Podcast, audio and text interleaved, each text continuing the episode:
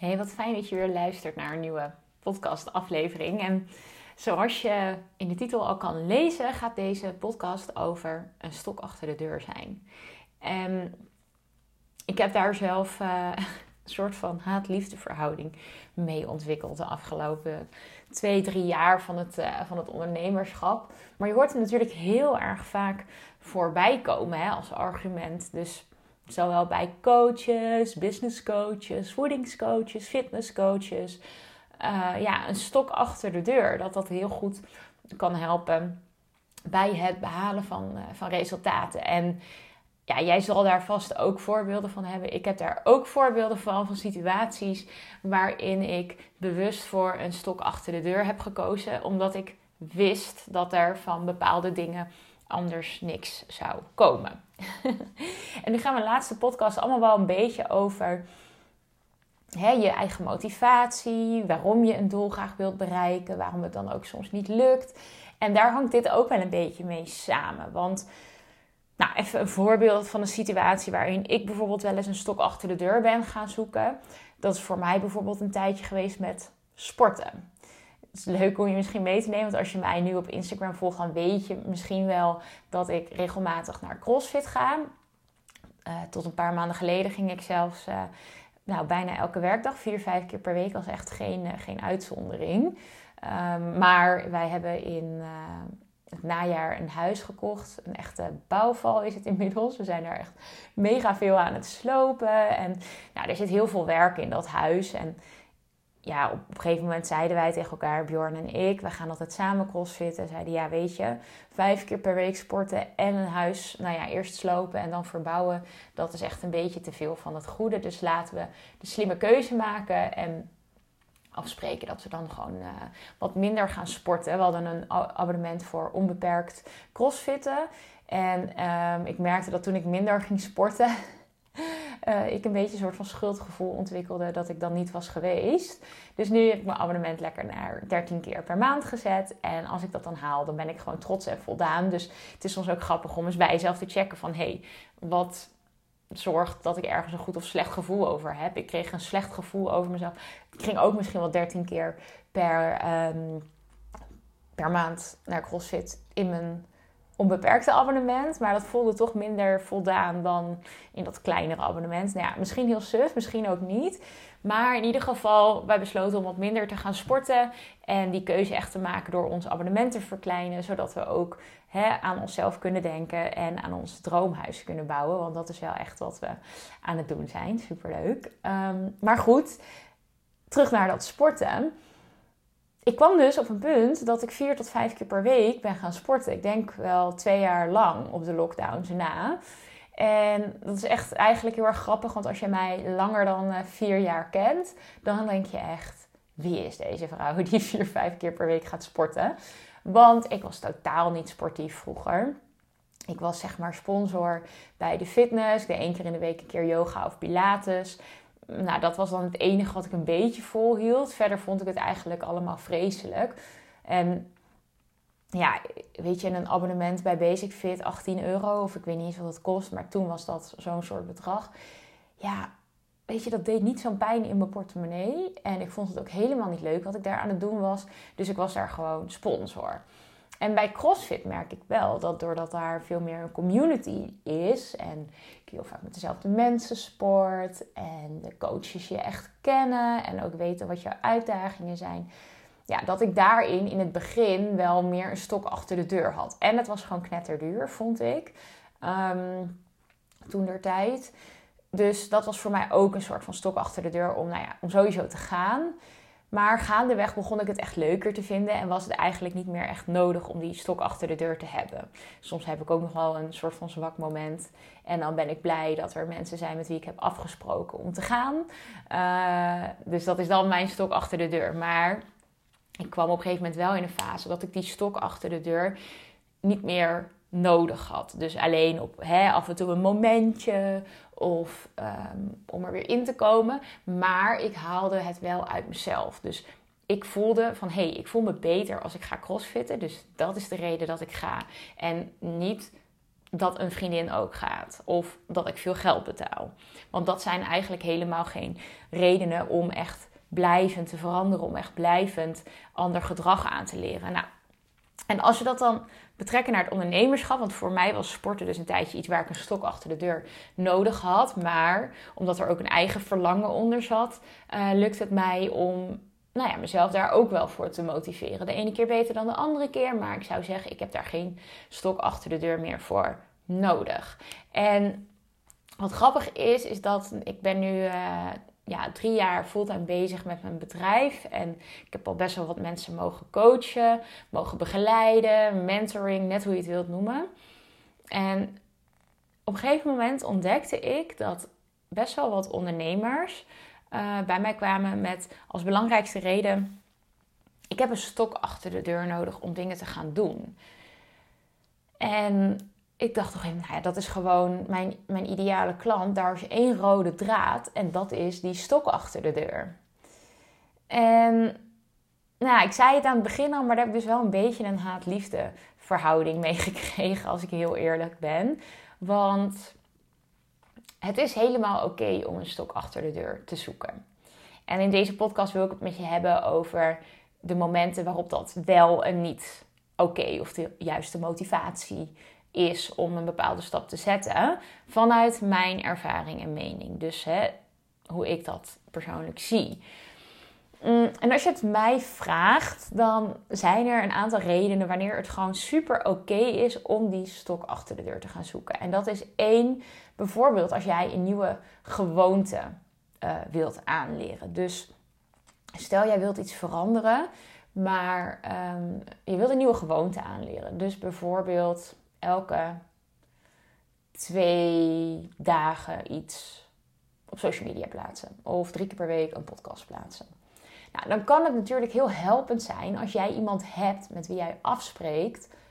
Dat ga ik doen omdat ik mijn bedrijf wil laten groeien. Of omdat ik, nou ja, hè, uh, mezelf wil aanleren om standaard drie keer per week een podcast te maken. Dus we maken die afspraak en dan is er hè, een stok achter de deur dat je dat gaat doen.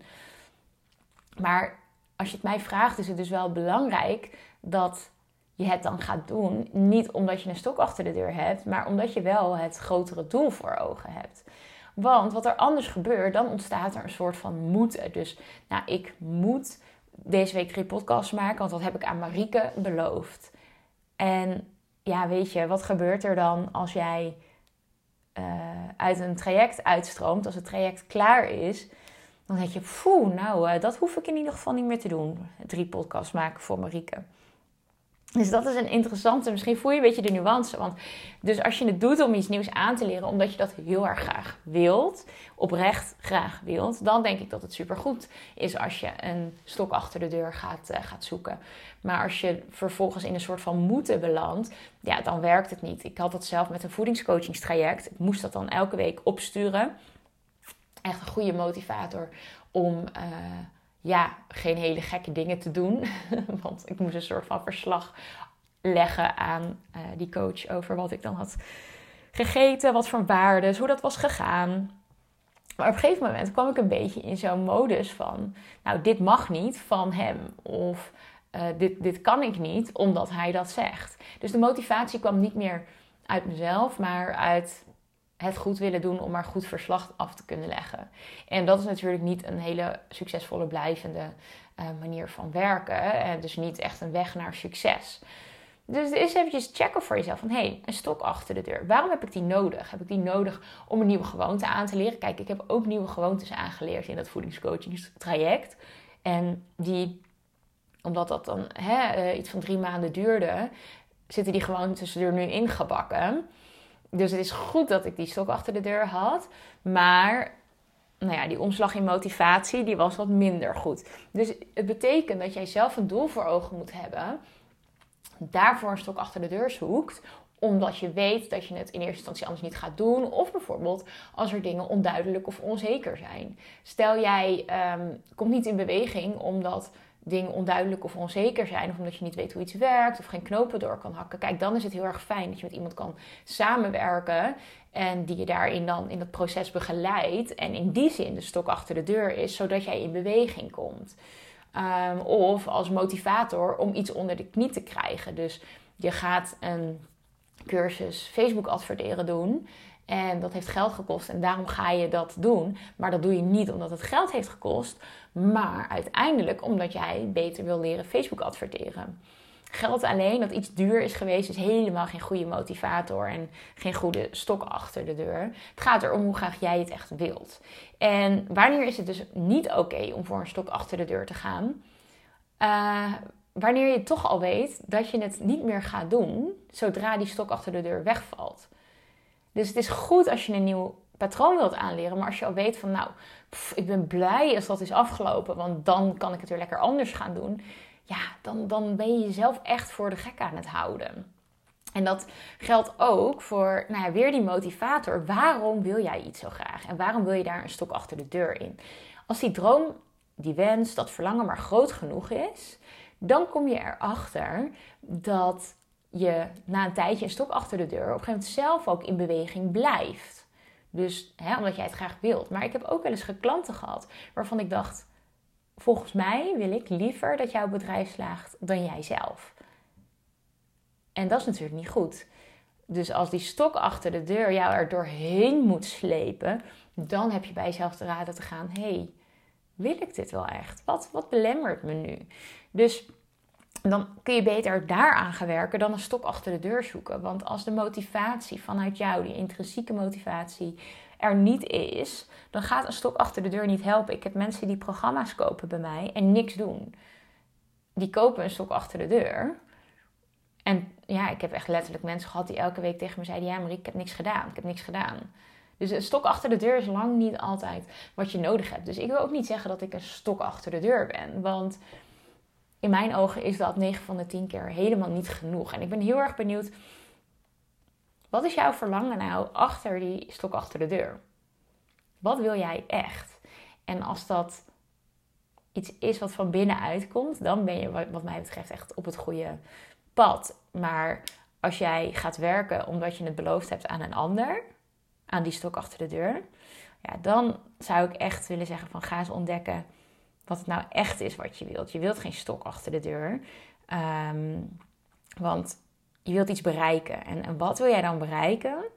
En, en wat maakt dat je dat zonder die stok achter de deur niet doet? Want daar zit je groei. Daar zit iets wat kan zorgen dat jij echt in beweging komt. En weet je, dat, dat is eigenlijk het soort mensen met wie ik het liefste werk. Ik wil mensen niet continu moeten motiveren om voor hun dromen en doelen te gaan. Ik wil je inspireren, ik wil je activeren, ik wil je helpen om je gedrag te veranderen, ik wil je nieuwe inzichten geven, ik wil je helpen groeien, ik wil samen plannen maken, samen uitvoeren. Ik sta echt aan je zij along the way. Ik wil je cheerleader zijn als het even nodig is, maar ik kom je niet ochtends uit bed halen. Ik kom niet de hele dag jouw handje vasthouden en checken of je wel hebt gedaan wat je zou doen. Dus dat is een interessante. En als je merkt dat je niet in beweging komt, dan heb je geen stok achter de deur nodig, maar een beter besef van wat je echt graag wilt. En dan is dat de eerste stap. Dus ik ben heel erg benieuwd waar jij in dat spectrum zit. En als je denkt van, hé hey Marieke, hier raak je een bijzonder gevoelige snaar. Uh, ik heb een bedrijf, het loopt wel oké, maar ik wil dingen anders, alleen ik kom niet in beweging. Plan dan eens een vrijblijvende kennismaking met me. Want dan gaan we eens onderzoeken waar dat hem in zit. Kan ik je perspectieven geven en uitleggen wat het is wat je wel nodig hebt. Ehm, ja, wil je dat graag? Kijk dan even in de link in bio of ja, de, de beschrijving in ieder geval van deze podcast. Dan uh, gaan we daar zo over hebben. Want een stok achter de deur gaat je 9 van de 10 keer niet verder brengen. Tenzij, nou, die uitzonderingen die ik zei, hè, je gewoon een nieuwe gewoonte wilt aanleren. Als er dingen nog onduidelijk zijn en je duidelijkheid nodig hebt als motivator om iets onder de knie te krijgen, dat is helemaal goed. Maar een stok achter de deur alleen gaat niet het verschil maken in jouw bedrijf. En dat is de boodschap die ik vandaag mee wilde geven. Ik ben heel benieuwd hoe jij dit ziet. Deel het met me um, door te reageren via een DM op Instagram, mariekeplant.nl. Superleuk om van je te horen hoe jij kijkt naar het fenomeen stok achter de deur.